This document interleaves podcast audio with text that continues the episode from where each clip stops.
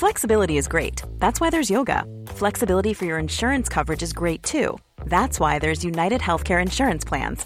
Underwritten by Golden Rule Insurance Company, United Healthcare Insurance Plans offer flexible, budget friendly coverage for medical, vision, dental, and more. One of these plans may be right for you if you're, say, between jobs, coming off your parents' plan, turning a side hustle into a full hustle, or even missed open enrollment. Want more flexibility? Find out more about United Healthcare Insurance Plans at uh1.com. This is Paige, the co-host of Giggly Squad, and I want to tell you about a company that I've been loving, Olive and June. Olive and June gives you everything that you need for a salon quality manicure in one box. And if you break it down, it really comes out to $2 a manicure, which is absolutely insane. It's also so easy to get salon worthy nails at home with Olive and June. The difference between how your nails used to look when you did them yourself and now with the Manny system is a complete game changer. The best thing about Olive and June too is it's a quick dry, dries in about one minute, lasts for five days, and full coverage in up to one to two coats. Visit oliveandjune.com slash perfect Manny 20 for 20% off your first system. That's oliveandjune.com slash perfect Manny 20 for 20% off your first system system.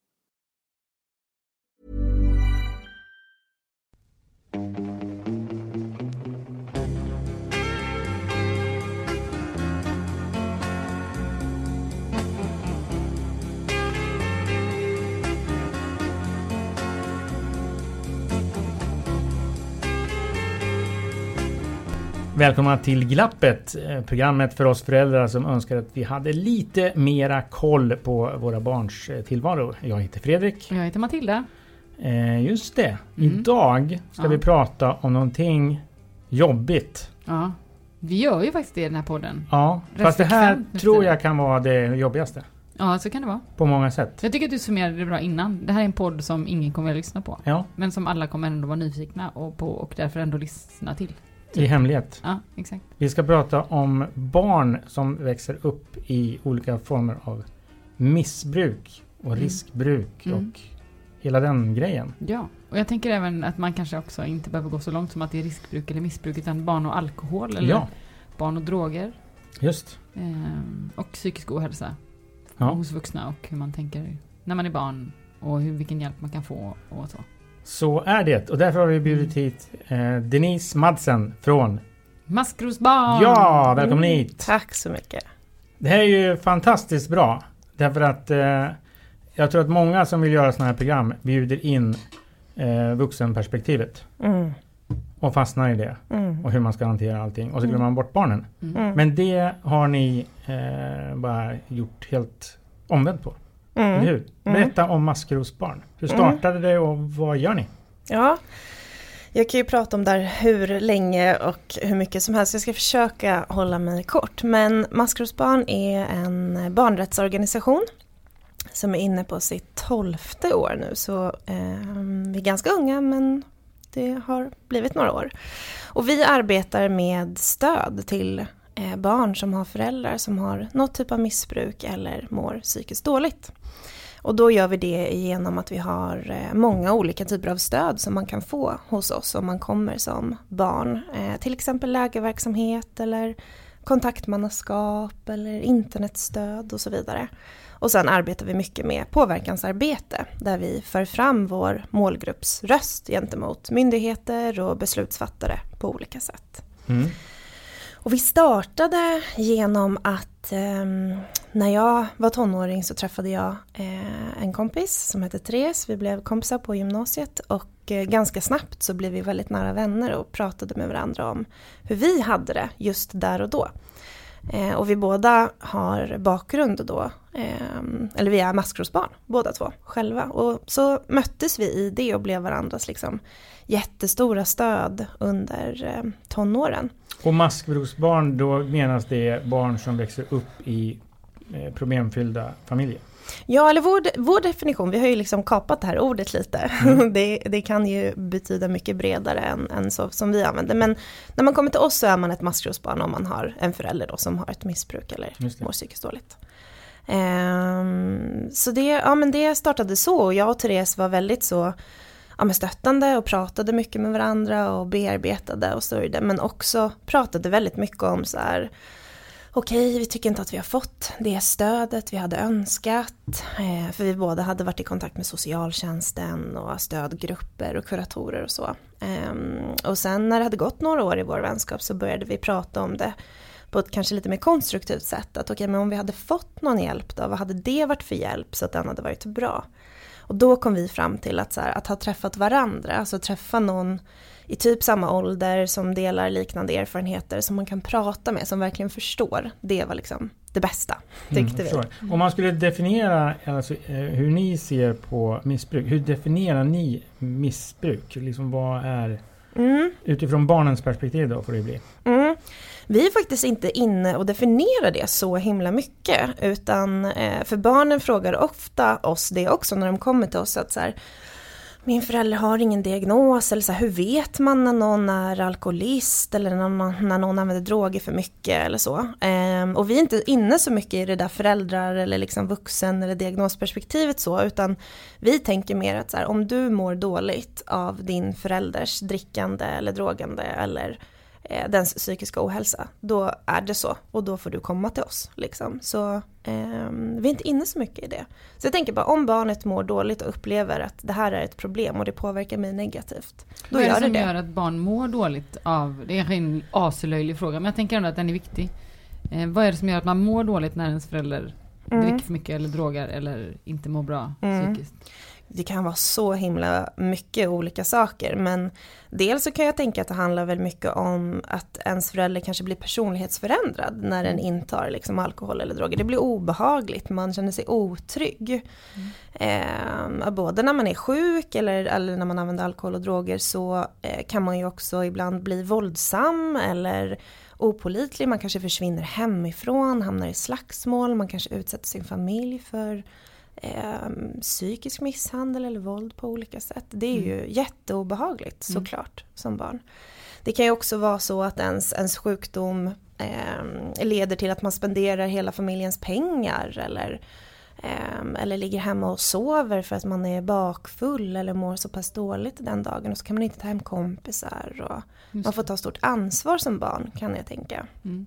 Hur liksom utbrett är det här utifrån Mm. det ni har sett Mm. och det, hur ni jobbar? Mm. Vår målgrupp är eh, 500 000 barn i Sverige.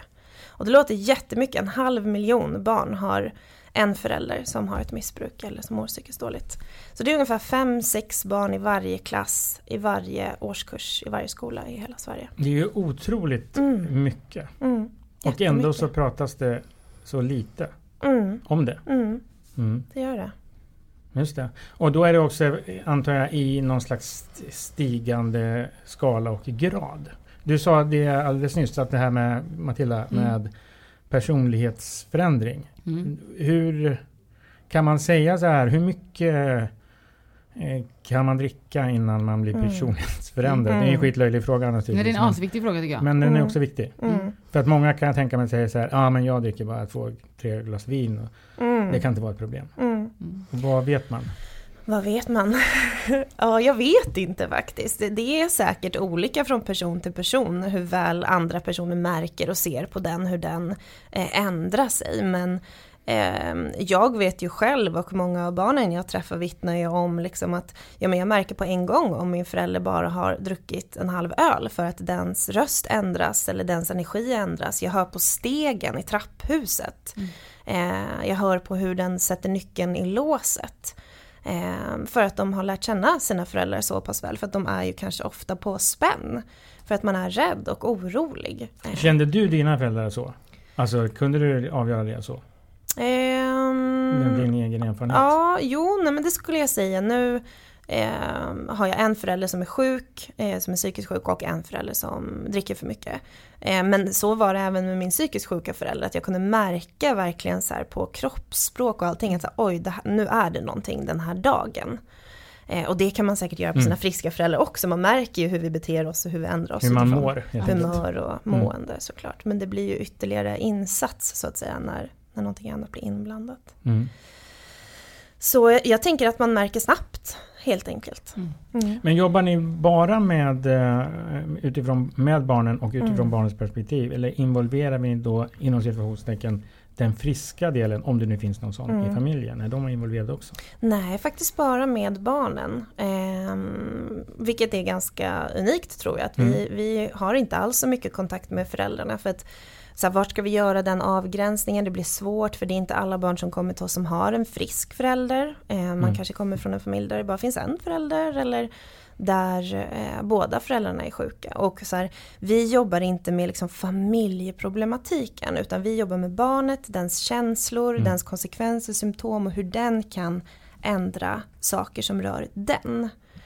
Mm, Så den själva vuxenproblematiken, den eh, finns det andra som kan hjälpa till med helt enkelt? Precis. Mm. precis. Vad skulle du säga är liksom det viktigaste? För jag tänker om man nu är barn och så vet vi ju traditionellt att det finns ganska mycket skuld och skam kring Mm. beroenden och kring psykisk ohälsa. Mm. Eh, att det är svårt för barn att berätta, det är svårt att säga jag har problem hemma. Mm. Eh, det är svårt att fråga, är det normalt att min förälder uppför sig på det här sättet? Mm. Gör din förälder det? Eh, och vad är det viktigaste för ett barn som har det trassligt hemma, om man nu får använda ett sånt trassligt begrepp då? Mm. Eh, vad är det viktigaste skulle du säga? Om, om jag som vuxen Mm. i ett barns närhet märker att här, det är någonting som inte stämmer här. Mm. Vad är det viktigaste för mig att tänka på då? Eller säga eller? Att fråga, Mm. tycker jag. Det, är, det låter så himla klyschigt och Mm. enkelt men ehm, jag, jag tycker verkligen att, att man ska bara våga så här, ställa frågan. Så här, jag, jag ser att det här och det här händer eller jag märkte det här, hur, hur mår du? Eller så här, jag finns här den dagen du vill prata. Mm. Och det är inte alls säkert att barnet kommer att eh, öppna upp sig totalt och berätta. Men frågar man den frågan, eller får man den frågan flera gånger eller blir uppmärksammad, då kommer det göra någonting med den, Mm. tänker jag. Och eh, på sikt så kanske man, kanske det var det som blev någon typ av vändpunkt om man säger att okej, men den här personen såg mig och den frågade och därför kommer jag att berätta den tionde gången den Mm. frågar kanske. Och om man då skulle få ett barn som faktiskt öppnar upp sig och säger Mm. att fasiken, ja det är en grej som är jävligt jobbig för mig. Mm. Det här händer hemma hos mig. Mm. Eh, vad tänker du i det steget? Vad behöver man som vuxen tänka på då? Mm. För att möta det barnet på ett bra sätt? Jag tänker att vara varm och bekräftande är väldigt, väldigt viktigt. Så att det inte blir en negativ, eller liksom en ytterligare negativ upplevelse att berätta det här för någon. För att jag tror att ganska många vuxna, jag tror att vi går runt kanske och har en så tillit till andra och vi tänker att så här, eh, folk är bra och man gör så gott man kan. Och det är ju sant, men ibland blir det ju tokigt. Mm. Men så att man inte liksom ger någon, någon negativ reaktion till exempel Nej men kan det verkligen vara så här? Eller nej men så här illa kan det ju inte vara. Din pappa jobbar ju ändå till exempel. Så att man inte försöker liksom förminska Mm. den här känslan eller ehm, antyder att barnet överdriver. För det hör jag ofta barnen berätta att, Mm. att de vuxna blir så pass chockade eh, att de kan inte ens tro på det här sjuka som barnen berättar. Eh, och också väldigt så, så viktigt att så här, det, det är klart att det kommer beröra en känslomässigt om ett barn berättar någonting jättejobbigt som den är med om. Mm. Men så här, jag är vuxen, då får jag hantera, då får jag gå och ringa en vän om jag blev berörd av det här. Jag ska inte liksom bryta ihop framför det här barnet så att den känner att den måste ta ansvar över mina känslor. Mm. Så, Ehm, mm, så det, var varm och, och våga fråga mer och, och vara bekräftande liksom. Just. Så att det handlar om att stärka en trasig eh, själ på något vis? Ja, och visa så att det är okej att du berättar det här. Gud vad bra att du berättar det här för mig. Mm. Eh, så att man visar på att det är helt okej att prata om de här sakerna och det är modigt och bra att du gör det. Mm. Jag samlade ihop några frågor här nu Mm. Fredrik. Ja. Är det okej? Jag skjuter några ut här. Visst. Ja, jag har så många frågor idag. Eh, eh, jag ska börja med, eh, ni hoppar lite, jag är inte helt röd i tråden här. Mm. Eh, men men eh, ska man säga till andra vuxna, som vuxen? Jag tänker så här, vi är på parmiddagar, vi är på fester, vissa har med sig barn, vissa har inte med sig barn. Mm. Alltså det skiljer, om jag bara tittar på min vänkrets så skiljer det sig oerhört. Mm. eh, Hur man uppför sig, eller liksom, vilket förhållningssätt ska jag säga man har Mm. till barn och alkohol. Ehm, tycker du att man ska liksom, om man märker att någon blir förpackad eller om man märker att det är något barn som blir oroligt, eller tycker du att man ska lägga sig i? Ja, jag tycker ju det. Ja. Ja. Åh vad jobbigt svar. ja. Fan Fredrik. Nej men och jag tror vi alla aldrig gjort den här liksom, Man är ju försiktig och man vill ju inte lägga sig i och man vill inte Nej. göra dålig stämning och sådär och man vill ju inte göra det värre för barnen heller så det kanske inte är en superbra idé att så här, skälla ut den här personen för man vet ju inte Inte där och då. Kanske på Nej, festen för man vet ju inte vilka känslor det skapar i den och vem det går ut över sen när den här familjen åker hem, tänker Mm. jag. Men jag tänker att i en sån festsituation om man Mm. ser att barnen är oroliga, då kan man ju som annan vuxen eh, prata med dem eller ta hand om dem eller Mm. se till att de blir nattade eller vad det nu är som behövs göras. Och sen så kanske man kan eh, på ett liksom så varmt och ohotfullt och kärleksfullt sätt som möjligt prata med sin vän eller Mm. den här andra vuxna. Eh, när den kanske har nyktrat till. För det är ingen idé kanske att ta en sån diskussion när någon är berusad. Nej. Men det tycker jag, Mm. absolut. Om, men rent principiellt, bör man då liksom överhuvudtaget låta barn vara i närheten av Mm. vuxna som dricker alkohol? Mm. Jag ska inte säga att vi som organisation liksom har en stark eh, värdering eller åsikt i så här, nej nolltolerans men självklart så tycker ju vi och jag att det är, finns massa fantastiska initiativ som så här, vit jul och sånt. Mm. Eh, jag tycker att det är, är toppen att när barn är med så kan det vara nyktert. Mm. Det tycker jag. Jag måste verkligen, det här måste jag ändå säga, jag har varit lite så här. Jag, jag har tänkt, jag, det är många barnuppfostringsfrågor som jag har tänkt jävligt mycket på. Om man lyssnar på den här poddserien. Men det här är också en fråga som jag har tänkt väldigt mycket på. Eh, och vi har inte kört vit jul och sådär. Eh, förrän eh, i julas Mm. eh, provade vi det. Eh, och då var det liksom hemma i familjen med mina föräldrar och mina syskon och liksom hela eh, gänget. Och det var så jävla trevligt. alltså vi har inte på något sätt haft knasiga jular innan. Alltså det var inte så utan jag, mer för att säga så här, jag gillar det initiativet. Jag tycker att det är så här, fasiken, det är väl underbart om barn får lära sig att högtider är till för Det här är ju liksom, barn. ett så fantastiskt bra exempel. För att när du nu berättar det här så Ja. tänker jag så här.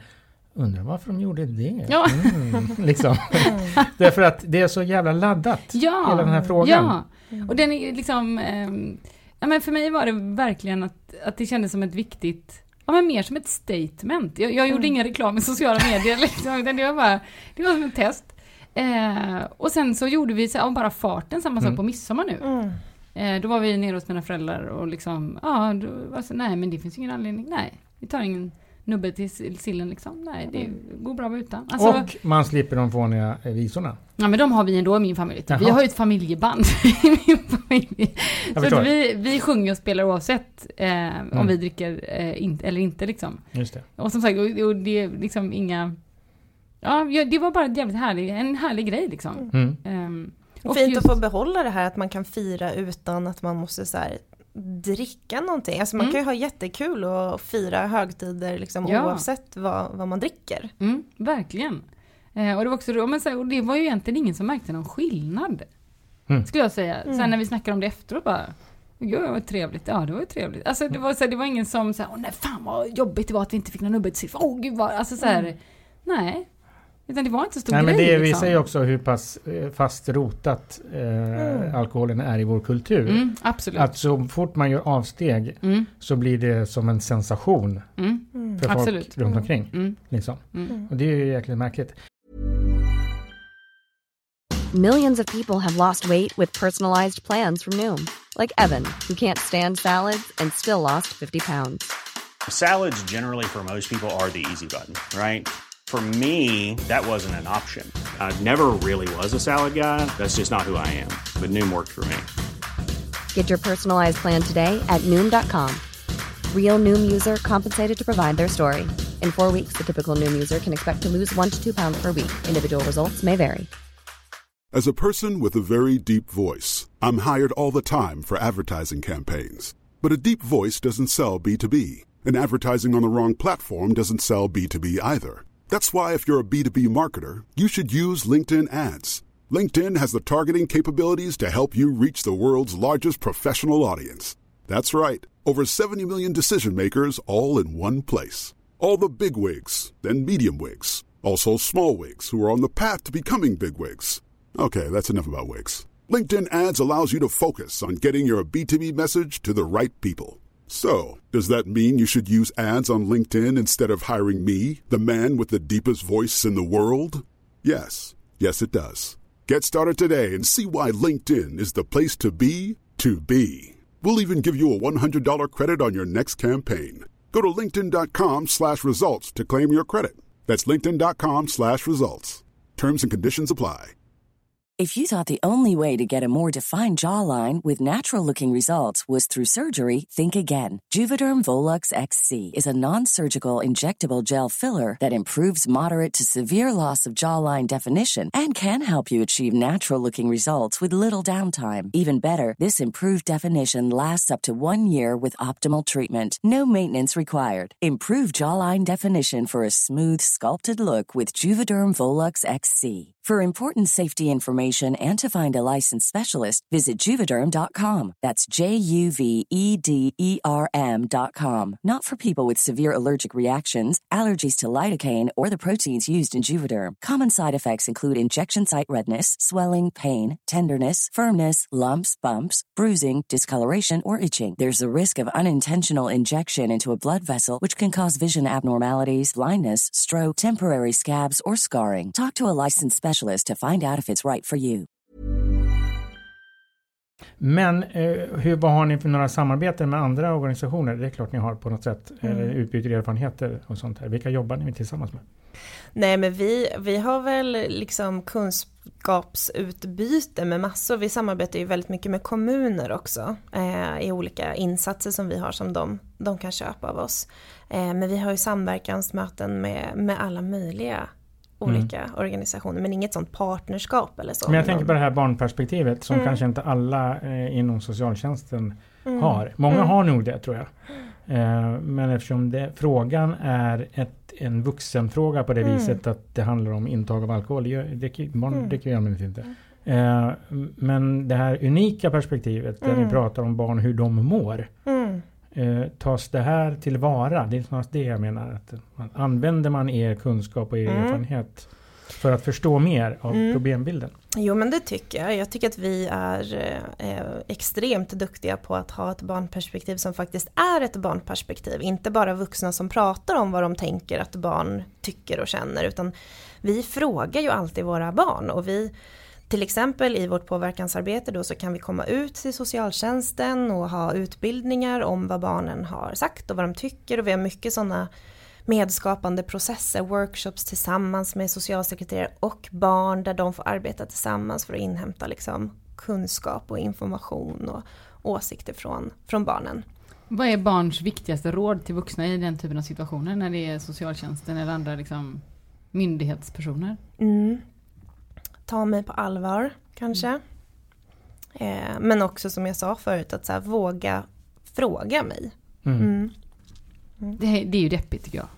Är det inte det? Jo. Alltså Mm. jag satt ju i BRIS förbundsstyrelse, det var ju fan hundra år sedan nu. Känns det som. Men det var ju samma frågor. Ja. Ta mig på allvar, lyssna på mig. Snälla, Mm. ta dig tid. Liksom. Mm. Ja, det, är ju, det deppiga är ju att eh, det också är självklara frågor i alla sammanhang. Ja, och sen kommer ju stressen som ju såklart socialsekreterare har som alla andra på jobbet. Alltså, Mm. jag tänker att det är precis som för oss föräldrar, vi är fast i vårt ekorrhjul liksom. Mm. Så man socialsekreterare och så sitter man fast i sin och så tycker man att man har för lite resurser och så. Ja men jag tycker att det är spännande för så är det ju verkligen. Men mycket av det som barnen säger tar typ inga resurser eller kostar inga pengar. Utan det kan vara så här saker som Använd öronen. Absolut, men så här typ eh, hälsa på mig före du hälsar på mina föräldrar. För det är ändå för mig som jag är här. Så här erbjud mig en eh, saft eller en cola istället för kaffe. För jag är 13 år, jag dricker inte kaffe. Alltså så att man liksom markerar så att så här, vi är här Mm. för dig. Eh, så det är mycket sådana så här superenkla små tips och knep och råd som de har som så här, tar, tar ingen tid och kostar inga pengar. Det är bara lite ändrande i bemötande för att få till ett mycket bättre möte där det blir bättre för båda. Och som har tagit 2017 å- år eh, utan att förstå. Mm. Sen Jesus. Ja, alltså i modern räkning. Han gjorde det och sen så var det någon jävla nedförsbacke. Fan! Men nu är vi tillbaka. Ja, ja, jättebra. Mm. Mm. Men å andra sidan är det, alltså det är ju deppigt, Mm. men det är ju också väldigt peppigt att det krävs, att det Mm, krävs inte de lite. här stora, Nej. stora, självklart det behövs också För att vi behöver fler socialsekreterare, de behöver få rimligare liksom, Mm. arbetsmiljö och vi behöver mer pengar för att kunna hjälpa barn. Men också det här mellanmänskliga, det här att så här, titta mig i ögonen när du hälsar på mig. Mm. Det kostar ju ingenting och det är också så, så härligt att det är sådana små saker som kan spela så himla stor roll. För det har vi alla råd och möjlighet att, Mm. att göra ju. Absolut, verkligen. Hur tänker du kring så här, om vi, om vi går tillbaka lite, det vi vi var inne på det tidigare, men just kring alkohol i vardagen. Ehm, jag tänker, för jag, jag inbillar mig nog att de, många av dem som lyssnar på den här podden känner sig inte direkt träffade kanske som missbrukare. Mm. Eh, man kanske inte heller upplever att man är riskbrukare, men så här, ja, jag dricker alkohol. Mm. Eh, det tänker jag ändå, det är ju ändå, det är inom situationstecken normala om man nu får använda ett sånt eh, klyschigt begrepp liksom. Mm. Ehm, har vi någon reflektion, har vi någon tanke från barnen där? Liksom alkohol i vardagen-grejen. Mm. Svårt för mig att säga eftersom att de barnen jag jobbar med, Mm. där är det ju för mycket, Mm. alltid liksom. Eh, någonting som jag tänkte på alldeles nyss när vi pratade om högtider och sånt, det är att många av barnen eh, säger ju att det är skitjobbigt inför lov. Mm. Och helger Mm. framförallt för att eh, absolut det kanske dricks i vardagen och det är ju också ett stort problem. Eh, men under helgen kan man inte gå till skolan. Under sommarlovet kan man inte gå till skolan, kanske ens Mm. vänner är bortresta. Eh, och då måste man vara i det Mm, varje dag. Mm. Och någon, någon av våra ungdomar sa någon gång att så här, ja men på fredagskvällen är det liksom alltid värst för att antingen får jag gå hem och där dricks det jättemycket för att det är fredag. Mm. Eller så får jag själv gå ut och dricka. Och jag vill inte göra något av det. Mm. Ehm, Så att det är ju också någonting att tänka på inför liksom så här jul och eh, sommarlovet, alla de här loven. Du, hur vanligt är det, upplever ni, eh, med de ni möter, för Mm. det är det vi pratar om, eh, att eh, barn till missbrukande föräldrar riskerar att själva bli missbrukare? Mm. Då kommer vi in på socialt och biologiskt arv och vi, vi jobbar ju med att ehm, hjälpa barnen att försöka bryta det sociala arvet. För det finns ju ett eventuellt förhöjt biologiskt arv, en förhöjd sårbarhet hos vissa. Man kan ju inte kolla det för eh, ja, Det vi pratar om är den här beroendegenen, eller hur man ska uttrycka det. Precis, eller man, man vet ju att hos, hos några av oss eh, maskrosbarn då så finns det eventuellt en, en större sårbarhet eh, för att bli sjuk. Men det, det kommer ju ta lång tid innan vi har möjlighet att liksom kolla av det. Så vi jobbar med sociala arvet väldigt mycket, alltså det här hur har jag sett att mina föräldrar har löst konflikter, hur gör vi när vi bråkar här, hur hanterar vi våra känslor. Och där om man ser då ens föräldrar dricka väldigt mycket när de är arga, ledsna och så vidare så är ju det någonting man kommer att ta med sig på ett eller annat sätt. Ehm, Så det pratar vi superduper mycket om för att många barn som kommer till oss kanske också känner så här Ja okej men min mamma dricker, min mormor gjorde det och min morfar också och min pappa och min farfar så det är ju kört. Det kommer ju bara bli så här för mig. Men ehm, så det är ju superviktigt för oss att prata om så här vad kan du göra och du har makt men du måste få den här kunskapen och stödet för att kunna använda dig av den här makten som du Och hur har. de som då lyckas Mm. med att eh, finna den här styrkan, vad, hur hanterar de situationen då? Eh, Mm. Utanför era möten och er, ert, ert diskuterande. Mm. Jag tror att det finns lika många svar som individer säkert, men eh, jag tänker att no- några liksom nyckelgrejer är väl att så här, få komma till ett sammanhang där det är norm att ha det på det här sättet, eh, för det kanske inte är så i något annat sammanhang man har. Så hos oss, liksom, eller när de hänger med varandra så kan de prata helt öppet om det här. De behöver inte skämmas, ingen kommer döma dem. Eh, det får finnas med, som det ju egentligen finns hela tiden i livet. Så att få ett, ett vettigt sammanhang där folk ser en och eh, man kan prata, superviktigt. Och sen också att så börja sätta ord på tankar och känslor och våga uttrycka det och, och bearbeta det och att hitta sunda strategier istället för kanske osunda strategier. Och vad, eh, vad menar du med det? Men jag tänker att en osund strategi som jag ser hos många barn är att de skadar sig själva Mm. på olika sätt. Alltså de kanske själva dricker eller tar droger för att så här, döva eller fly. Eh, De kanske skär För att de har lärt sig. sig att det är så man gör. Precis, det är det de har sett. Ja. Liksom. De kanske skär sig eller har superdestruktiva relationer för det är det man också känner till. Så har det varit hemma liksom, så det känns tryggt och så. Så man dras till det helt enkelt. Jag kan, ja, men jag kan tänka att det relationer. känns eh, tryggt så här. Eh, Jag känner igen det. Ja, typ. jag känner igen det. Det är enkelt. Eh, så att jobba med de olika liksom, konsekvenserna som barnen får av att ha vuxit upp i den här miljön. Att jobba med dem och jobba om dem till någonting som är mer funktionellt och som känns bättre. Jag tänker att det är så svårt. Jag tänker att jag jobbar med det rätt mycket själv just nu. Så här, att, att stå ut med jobbiga känslor. Mm. Alltså det är ju jävligt löjligt att man behöver träna på det. Men jag behöver verkligen träna på det. Alltså, Mm. Jag kan känna, nu har jag ju inte gjort så mycket på ett halvår, jag har gjort jättemycket, men, men inte så mycket som är ett liksom, traditionellt jobb. Men nu har jag börjat jobba. Mm. Eh, men alltså, En Och det- destruktivt nej, nej, nej, nej, nej, det är fantastiskt jobb och jag älskar det. Jag tycker det är svinroligt att vara tillbaka liksom, i ett jobbsammanhang.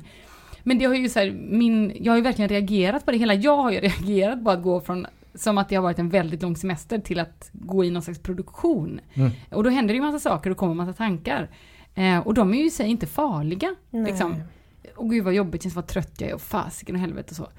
Men att så här, bara stå ut med dem, det har varit svinbra träning för mig. Mm. Att inte så här sätta på en podd då, eller nu vill jag att ni ska göra det såklart som lyssnar, men, men att inte liksom göra, eller så här, "Ja, men jag går och kollar på en film, eller "Ja, men jag, jag, alltså, jag, jag, går, jag går och tränar, eller alltså så här, att inte så här, liksom distrahera sig så mycket. Mm. Jag har liksom medvetet tränat på det.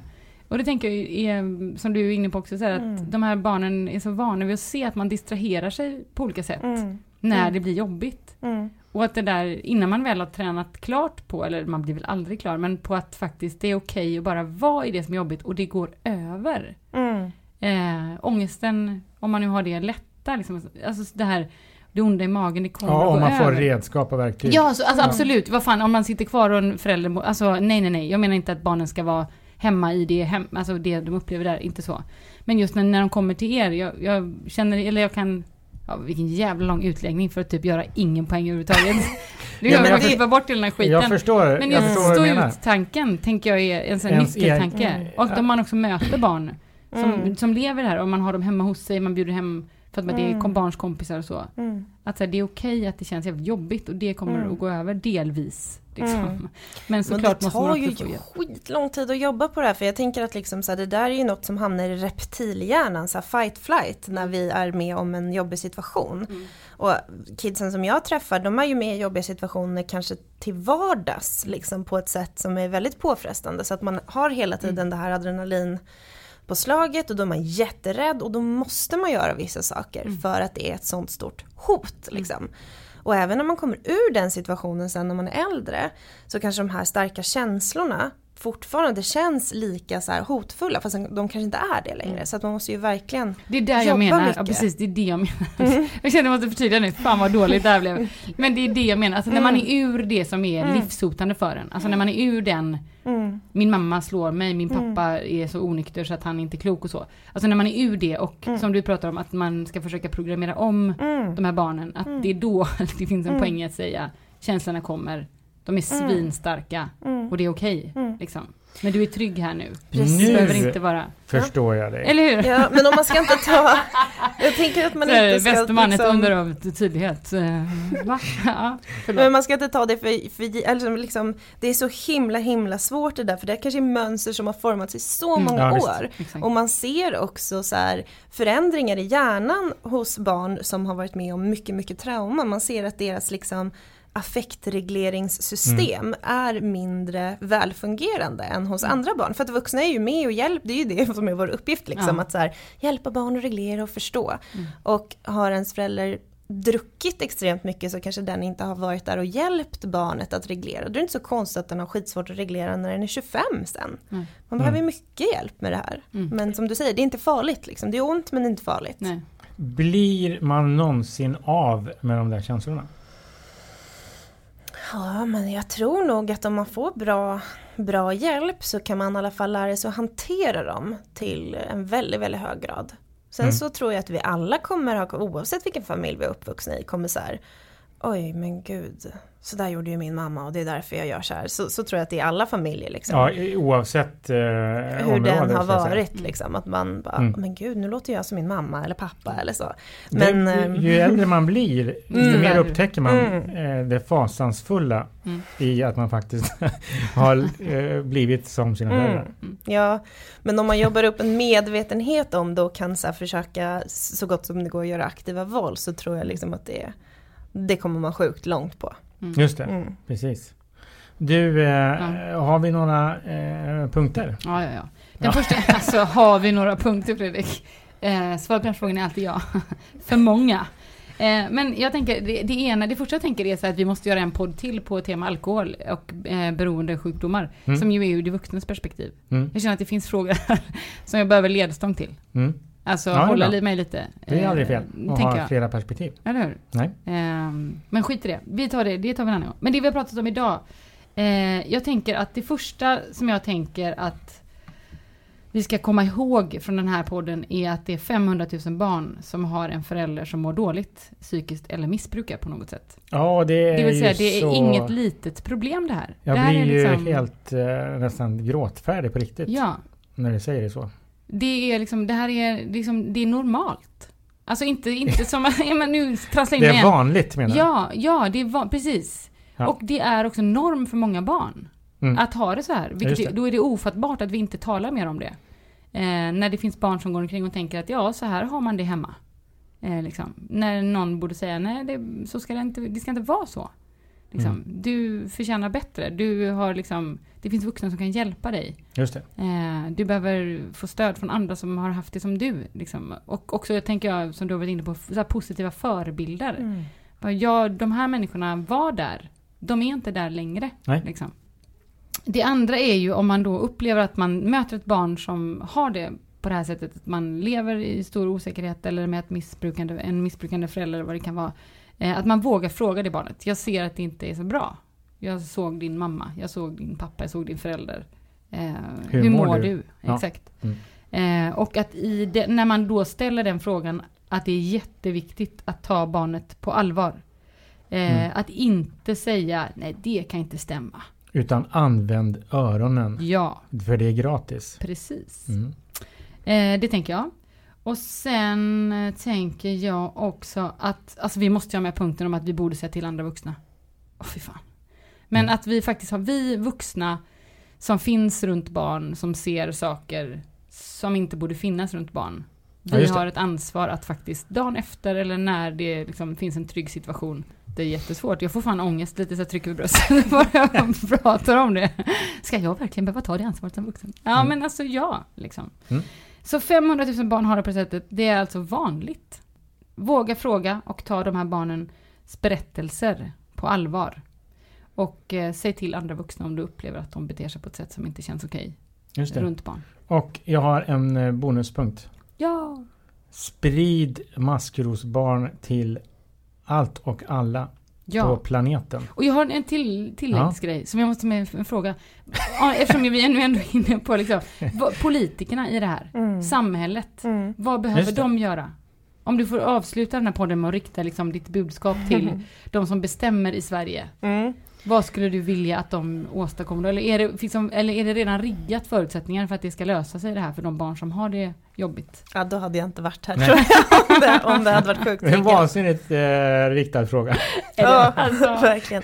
Nu skulle vår påverkanschef varit här, Sandra. Just Eh, nej men jag tänker att, eh, att, ehm, att man ska bjuda in målgruppen i samtalet. Mm. Alltså alltid lyssna på dem. För jag kan tänka mig att många politiker de är så långt borta från det problemet de kanske jobbar för. Mm. Så att så här, se till att ha en verklighetsförankring, prata med barnen, vad är det de vill, vad känner de, vad behöver de? Mm. Eh, och sen så här, ja, men igen som din punkt, att ta det på allvar och så här, vidta åtgärder. Mm. Och avslutningsvis är det väl också viktigt att säga att inget barn ska behöva ha det så här.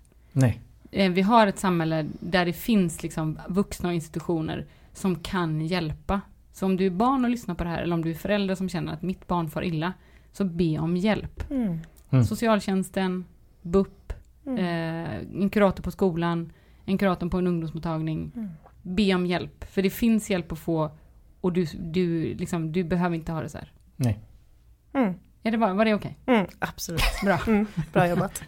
Jag snurrade in mig i mitten, men jag rät ut mig på slutet. Det är bra Matilda, tycker jag. Verkligen. Jag är fortfarande nyfiken på de här vita jularna. Ja, men jag kan berätta mer om det. Ja, Ja, det är bra. ta det Eh, nästa podd. tack så mycket för att du kom. Tack. Och tack så mycket Matilda. Tack. Vi hörs. Vi hörs.